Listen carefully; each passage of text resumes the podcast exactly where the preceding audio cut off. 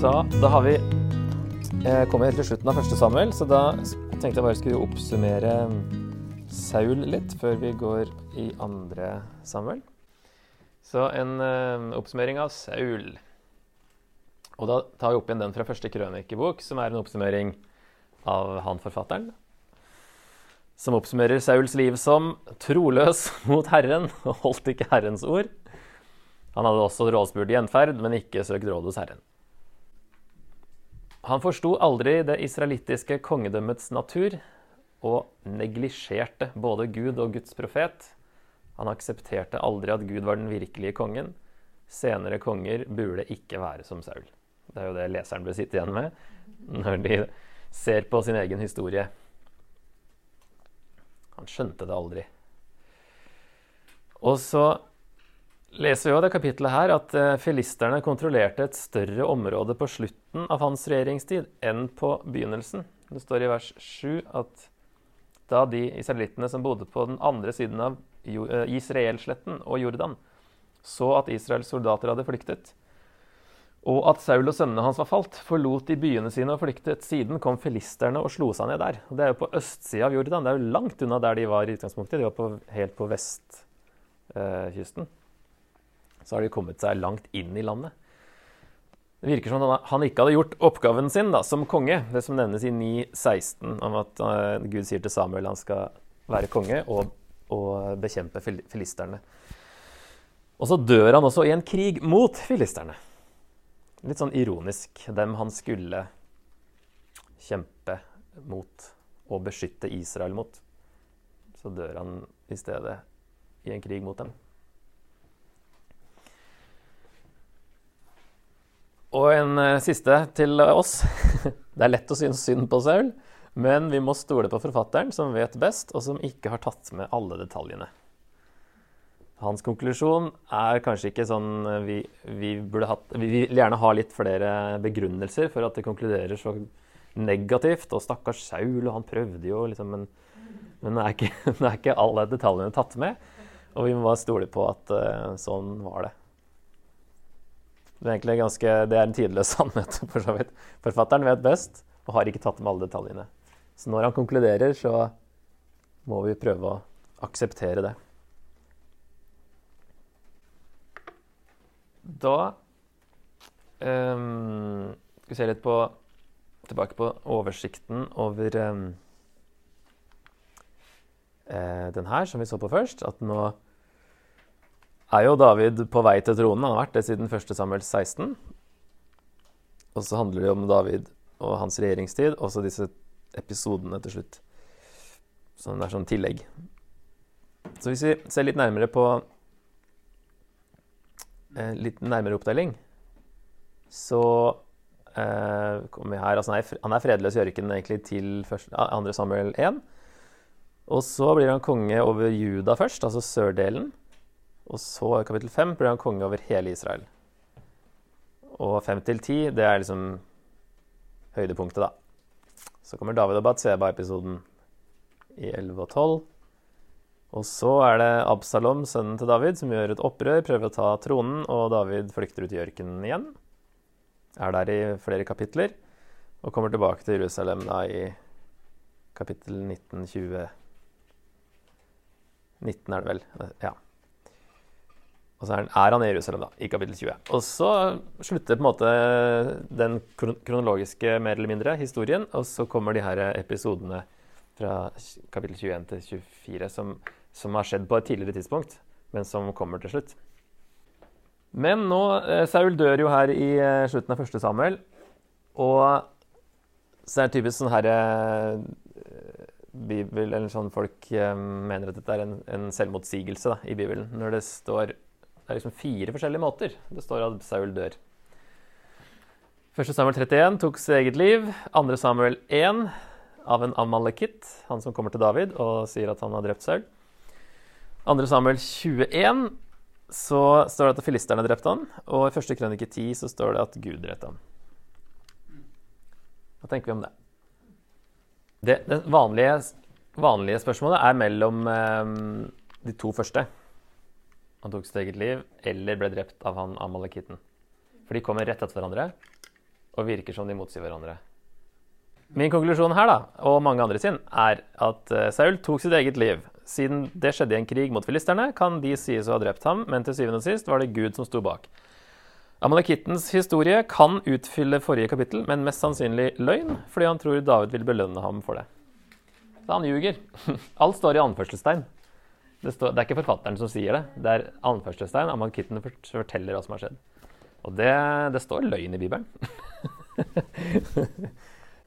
Og i, i 4.10, den henvisningen som står der, så sier David når det, det, er en lignende historie som skjer der.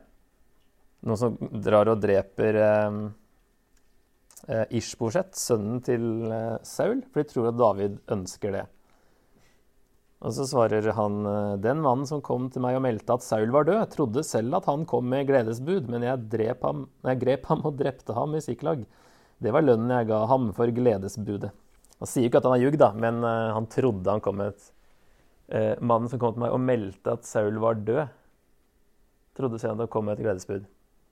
Han sier ikke noe om det er om hvem som har gjort det. da. Men det er i hvert fall mange som tenker at han, eh, at han ljuger. For han tror at han skal få en belønning. Så det er greit å se at det står i anførselstegn, i hvert fall i oversettelsen, da, og at det er, det er sitat. Ok, så nå er Saul død, og David da eh, for å se på kapittel 2 til 4. Han er i Sikkelag her nede. Og så står det at han eh, i vers 1 Siden ba David Herren om råd. Skal jeg dra opp til en av byene i Juda? Herren svarte ja, dra opp. Da spurte David hvor skal jeg dra? Til Hebron, svarte Herren. Så Hebron er her, ikke sant? og Juda er jo området her nede. Så han eh, drar mot Hebron. Um, og så står det de bosatte seg i landsbyene omkring Hebron. Så han drar ikke inn i selve byen heller, men bor liksom i noen landsbyer rundt her. Dit kom mennene fra Juda og salvet David til konge over Judas hus. Så han, han, går ikke inn og bare setter seg på tronen i Jerusalem, liksom, eller nå er ikke det hovedstaden engang. Men eh, han går liksom ikke inn og bare 'Nå er jeg konge, for nå er Saul død'. Han, bare, han spør Gud skal jeg dra opp. Ja, OK. Og så bare camper han utafor byen, og så er det folket som kommer ut og salver han til konge. Så han er veldig sånn eh, Ikke sånn eh, bare overtar hoved, jeg si, med en gang.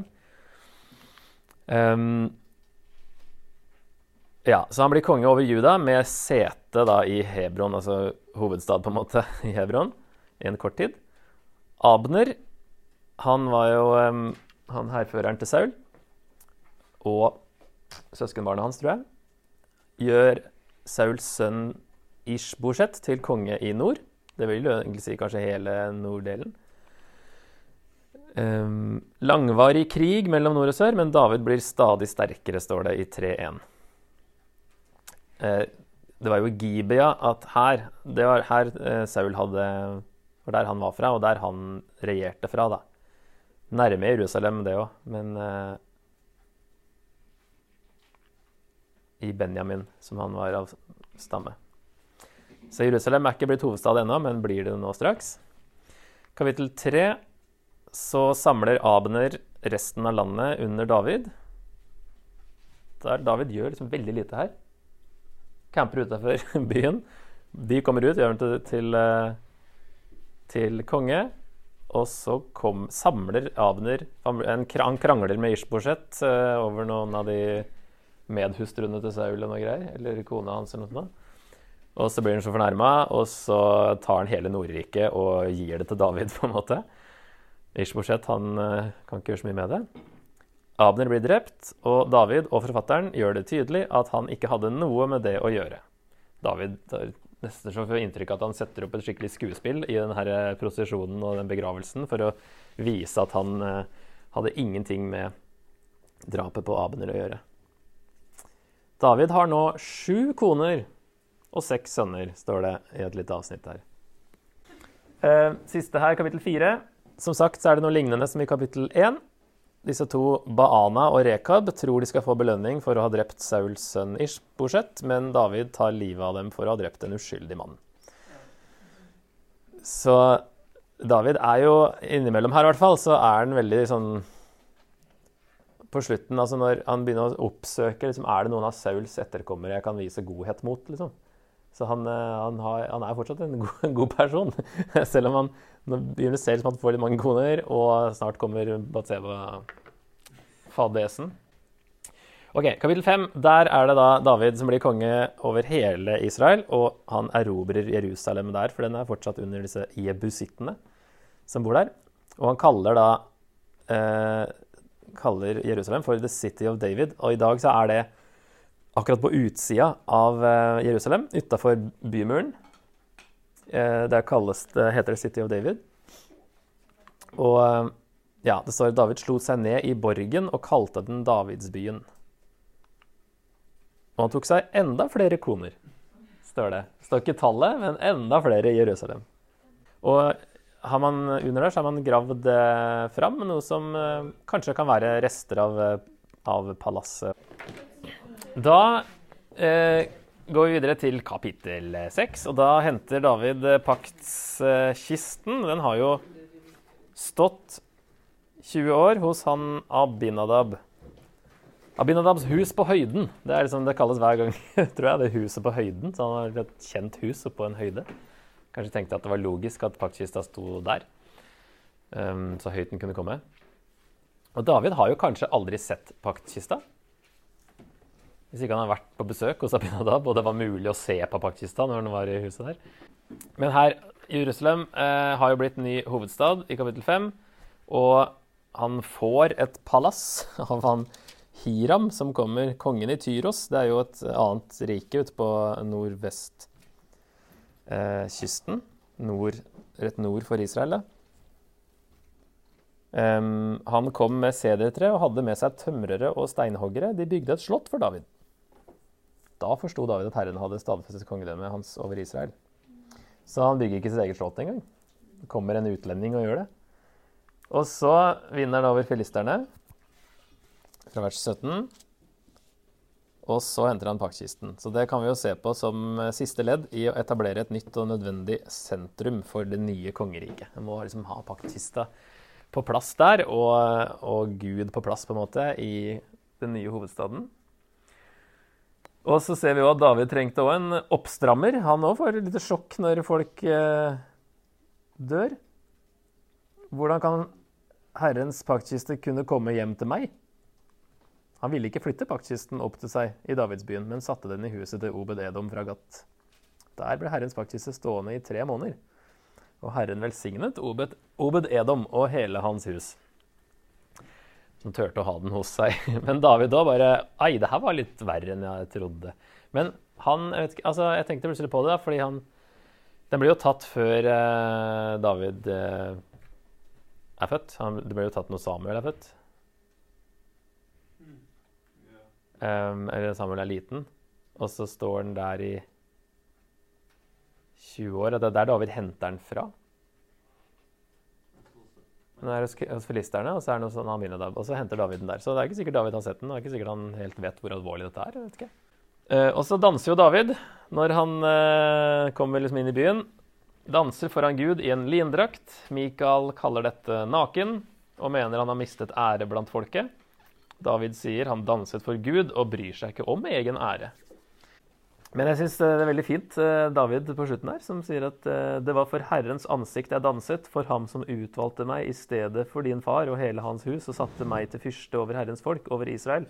Jeg kan fornedre meg enda mer og bli enda mindre i mine egne øyne. Men hos disse tjenestejentene som du snakker om, skal jeg vinne ære.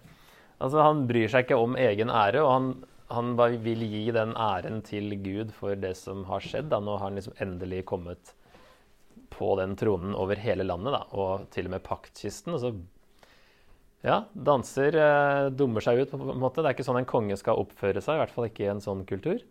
Men han sier at det blåser jeg i. Jeg dansa for Gud. Og så har jeg bare linka litt til Jesus. Der det står i Filipperne 2 at han fornedret seg selv helt til døden og ble opphøyet. Det er det samme, da, fornedre seg. David og sier han skal bli opphøyet. Eller bli æret i øynene til disse tjenestejentene som du snakker om.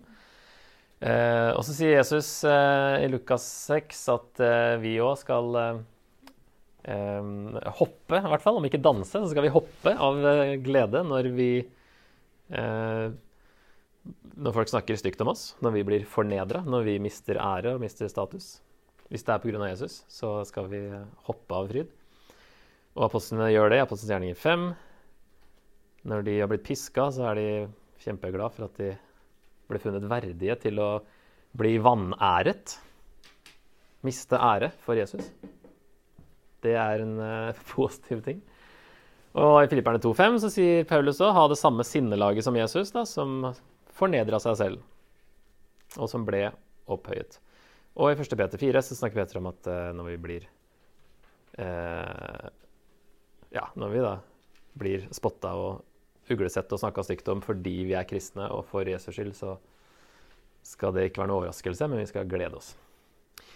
Så jeg syns det var fint. David danser, bryr seg ikke om uh, at han uh, ikke oppfører seg så veldig kongelig.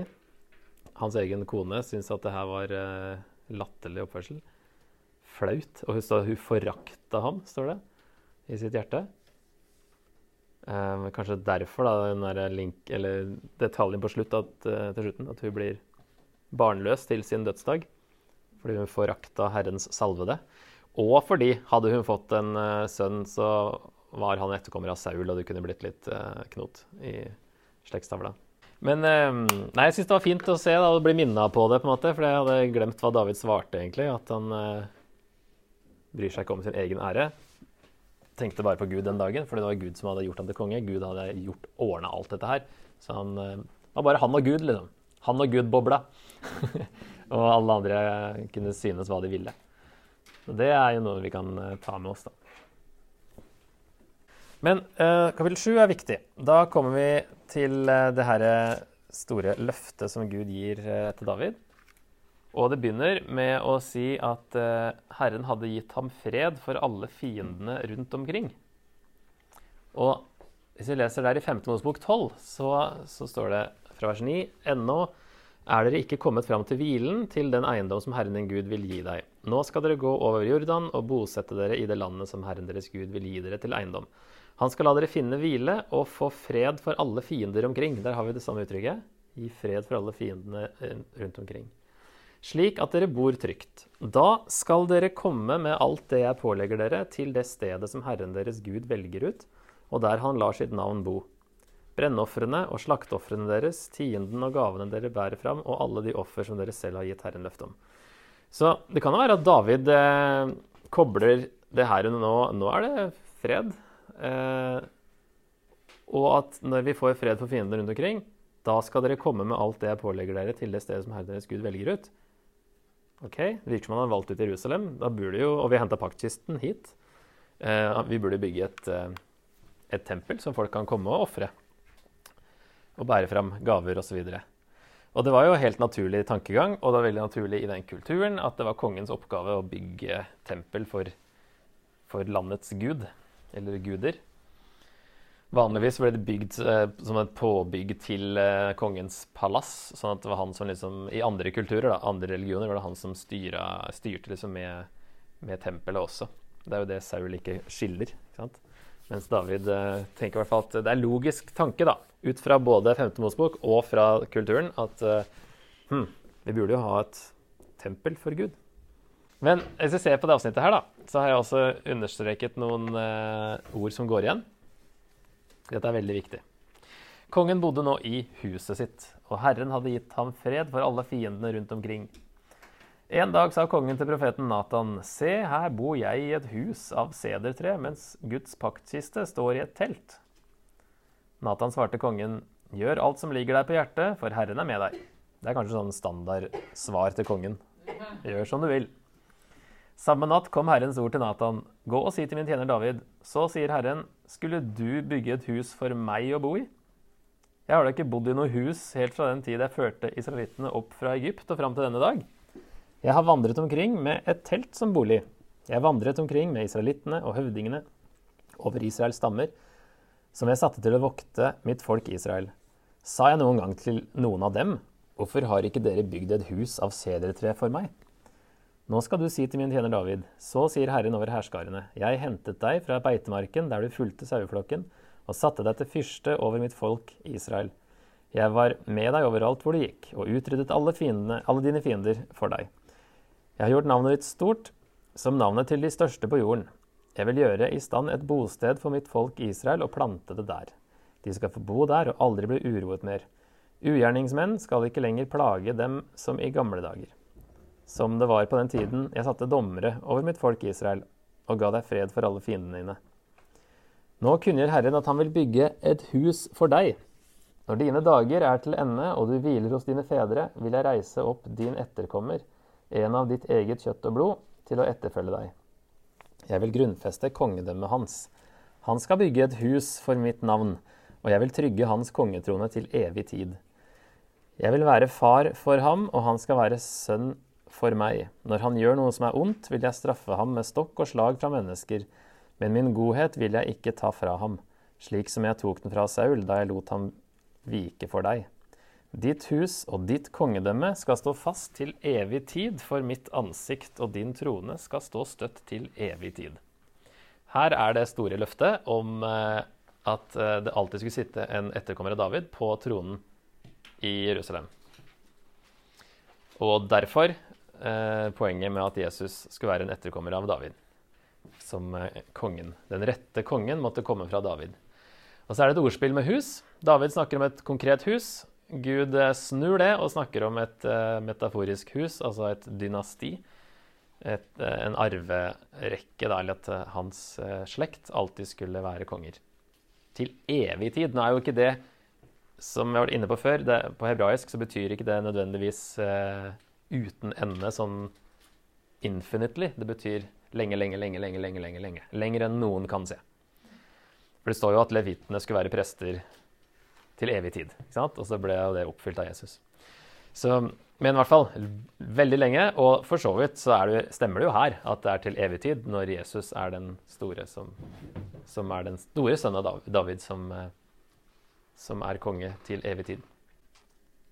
Jeg syns det er fint det som skjer òg i respons fra vers 18. Da gikk kong David inn og satte seg foran Herrens ansikt. Han sa, 'Hvem er vel jeg, Herre Gud, og hva er mitt hus, siden du har ført meg så langt? Og enda var dette for lite i dine øyne, Herre Gud. Du har gitt løfter til din tjeners, tjeners hus langt fram i tiden.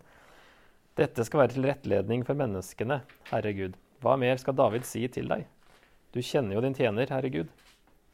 For ditt ords skyld og etter ditt eget hjerte har du gjort alt dette store og kunngjort det for din tjener.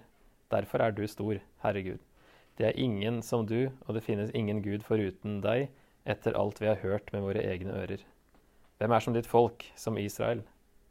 Det er det eneste folk på jorden som Gud kom til og fridde ut for å gjøre det til sitt folk.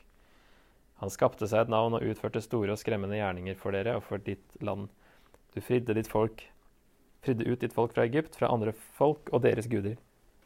Du har bestemt at ditt folk Israel skal være ditt folk til evig tid, og du, Herre, er blitt deres Gud. Så, men det at han går, går, inn og setter seg foran Gud liksom, og bare 'Hvem er jeg?' At du har gjort alt dette her. Og nå skal liksom slekta mi alltid være konger. Wow. Så det er her i hvert fall det spores tilbake, det løftet da om eh, Davids sønn, Jesus er Davids sønn. At man får vite her at her snevres det enda mer inn til en etterkommer av David. Som skulle være Messias, den store Messias. Alle kongene etterpå vil være Messiaser. Men uh, den som oppfyller alt, er jo Jesus som den store Messias. Så eh, oppsummerer punkt, eh, punktvis akkurat det her. da. Gud sier at Davids slekt skal ha kongedømme for alltid. Og når det gjelder Messias, så betyr det da at han skal være en etterkommer av David. Den Messias, si, ja, den store, som de etter hvert eh, venter på når de ikke har noen juridisk konge etter Babylon. Og en tidløs sannhet. Guds nåde er overveldende. Når vi tenker å gjøre noe for Gud, kommer han oss i forkjøpet og gjør mye større ting for oss. Vi hadde ingen sjanse til å komme til ham, men han kommer til oss i stedet og frelser oss da vi var døde pga. våre misgjerninger, som Paulus sier.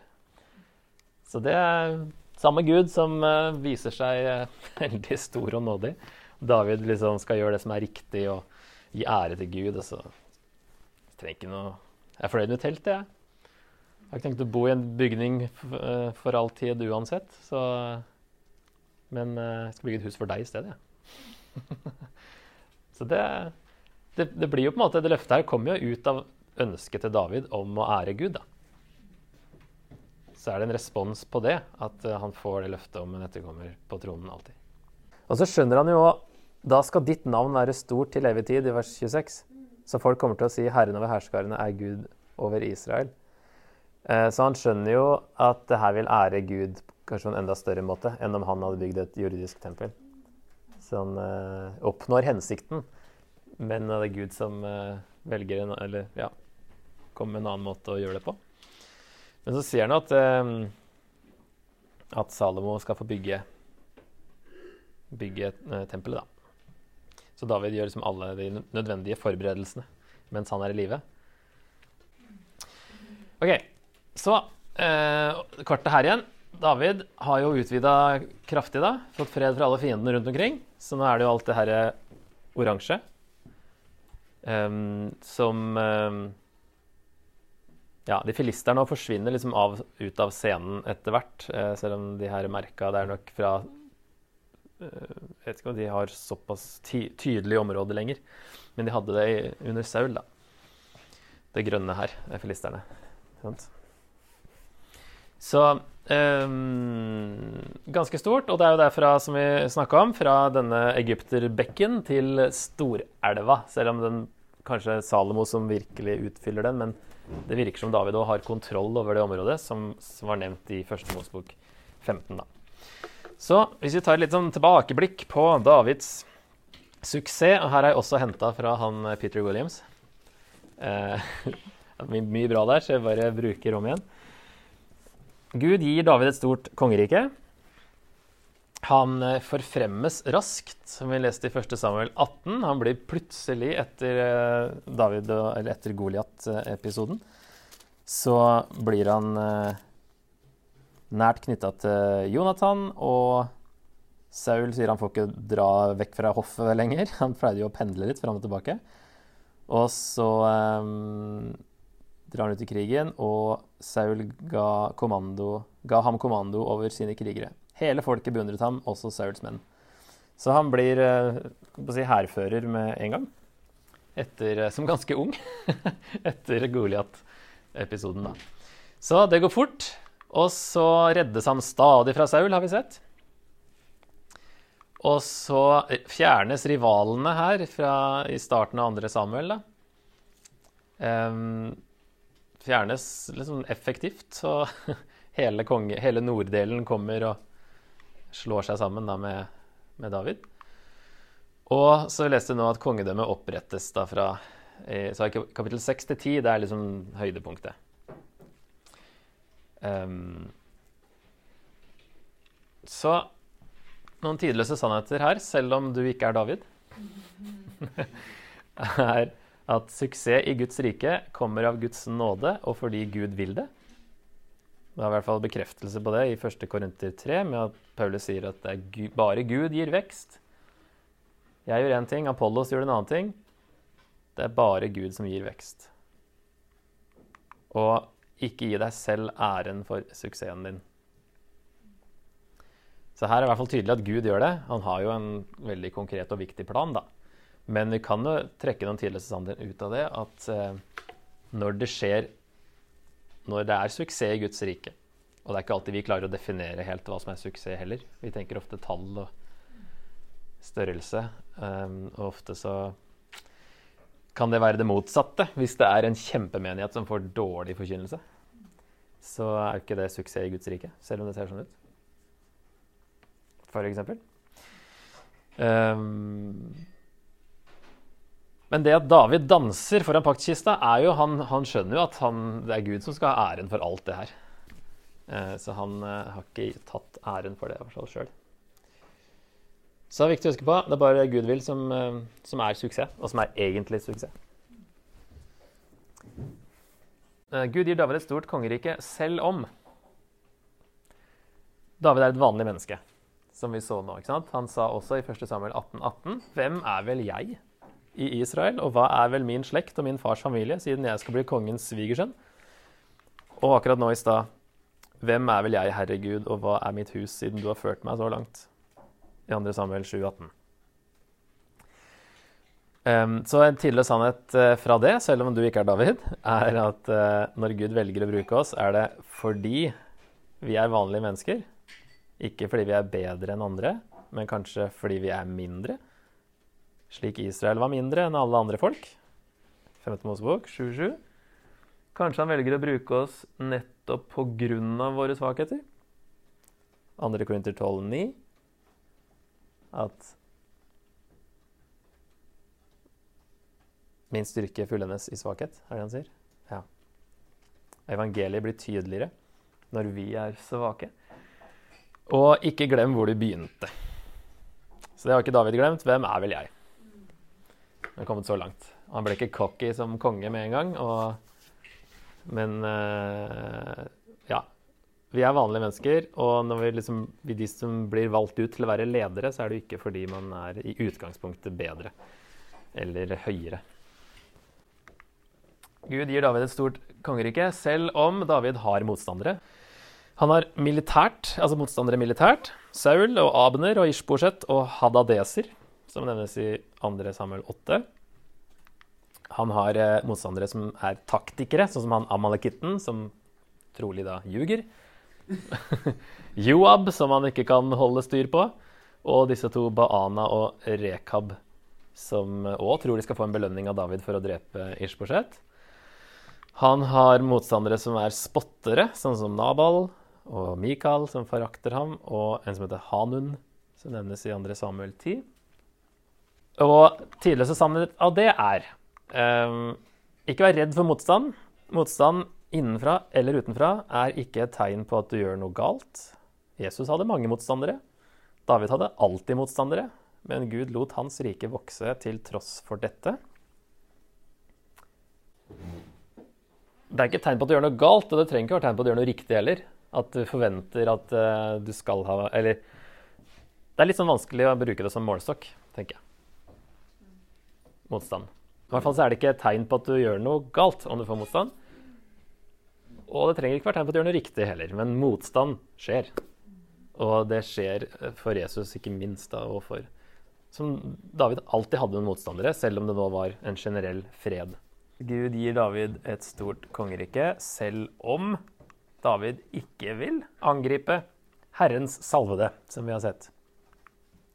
Det Spesielt i denne sandwichen i kapittel 24-26, der han lærer det ordentlig, at han ikke skal gjøre det. Og ja, David vet at hvis Saul ble salvet av Gud, så kan ikke han røre ham.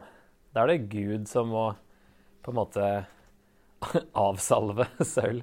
Altså som må kansellere den. Han har jo sagt at han har mista riket, men David har likevel så respekt for det Gud har gjort, at han ikke um, Han velger å ikke gjøre det og overlate det til Gud. Så det er litt oppsummering det her da, av ting vi har sett på, så det er jo fint. Tidligere sannhet, selv om du ikke er David. Og det kommer vi også tilbake til noe vi har snakka om før. da. Vår jobb er ikke suksess, men å være trofaste og lydige. Ikke prøv å bringe Guds rike på din måte. Vent på Gud. Siste at David får et stort kongerike av Gud selv om han vakler. Det er jo veldig interessant òg. Um, 1. Samuel 27,1. Det er der han velger å Altså, det han sier, da, er jo så rart, fordi han har jo akkurat blitt redda av Saul i kapittel 26. Eller fra Saul, av Gud. Og så sier han David sa til seg selv en dag kommer jeg likevel til å miste livet for Sauls hånd. Det beste jeg kan gjøre, er å rømme til filisternes land. Da må Saul gi opp og lete etter meg over hele Israel, og jeg kommer meg unna han. Så etter å ha blitt redda gang på gang fra Saul, sist i kapittel 26, tror han likevel at Saul en dag vil lykkes med å drepe han. Han går derfor over til filisterne, til hovedfienden som det var kongens oppgave å bekjempe. Det er litt rart at han gjør det. Plutselig så har han veldig liten tro på at dette her går bra. Det er ikke så rart når han er ti år på flukt, og Saul prøver gang på gang, så tenker han ja, kanskje han klarer det en gang. Og så mister han litt av syne at Gud har salva meg til å være konge. Jeg er ikke konge ennå. Har jeg tillit til det Gud sa, eller tror jeg at Saul kommer til å, til å ta meg en dag? Sånn at det virker som at han her vakler og ikke har eh, så mye tillit til Gud som han har eh, andre ganger. Og så reddes han av Guds nåde her, da. Um, og slipper å kjempe imot sitt eget folk, det vi så på um, når han er på vei til krigen, og så er det de andre høvdingene som ikke vil ha han med, selv om han kongen vil ha han med. så er han faktisk på vei. Han har begynt å bevege seg opp mot krigen. Og så Og så blir han heldigvis sendt hjem, da. Så han slipper å gå helt imot det han skal som konge, egentlig. Selv om han ikke er konge ennå. Tidlig sannhet, selv om du ikke er David. Ikke finn trygghet i kompromisser. Det at Gud velsigner det vi gjør i Hans rike, betyr ikke nødvendigvis at vi gjør det rette. Det er liksom motsatt side av eh, Det er ikke nødvendigvis galt om du møter motstand, det du gjør. Det er ikke nødvendigvis riktig, det du gjør. Hvis Ja. Han synes aldri synd er greit, selv om tjenesten din ikke tar skade av det, f.eks. For, for å det er det, det, det er det, vi snakker om her, da. Um, ikke tenk at når ting går bra, så er det fordi vi gjør ting rett. Det går bra pga. Guds nåde og til tross for våre handlinger. Og det som jeg har fra Matteus 7 her, det er jo når Jesus sier at uh, mange skal si til meg på den dagen, Herre, Herre, har ikke vi profetert ved ditt navn, drevet, ut onde ånder ved ditt navn og gjort mange mektige gjerninger ved ditt navn? Da skal jeg si dem rett ut, jeg har aldri kjent dere. Men, det, men likevel så har de gjort store ting i Jesu navn uten å kjenne Gud. Jeg har aldri kjent dere. altså der Relasjonen er viktigere enn de tingene du gjør, er jo det han sier her. Men poenget er at det passer inn her fordi Gud har gjort store ting gjennom dem, selv om de ikke har kjent han. Og det skjønner ikke de. Og det er jo da, for å ta det enda lenger, med at man har en liten synd og gjør, så, gjør, altså, så gjør ting, Gud ting likevel, selv om du ikke lever rett. Hvis du er en leder for et eller annet. Og så er det da et parallell til det Jesus sier her, at, uh, som tar det enda lenger. da. At de kjente, kjente ikke Gud i det hele tatt. Men Gud gjorde likevel mirakler gjennom dem.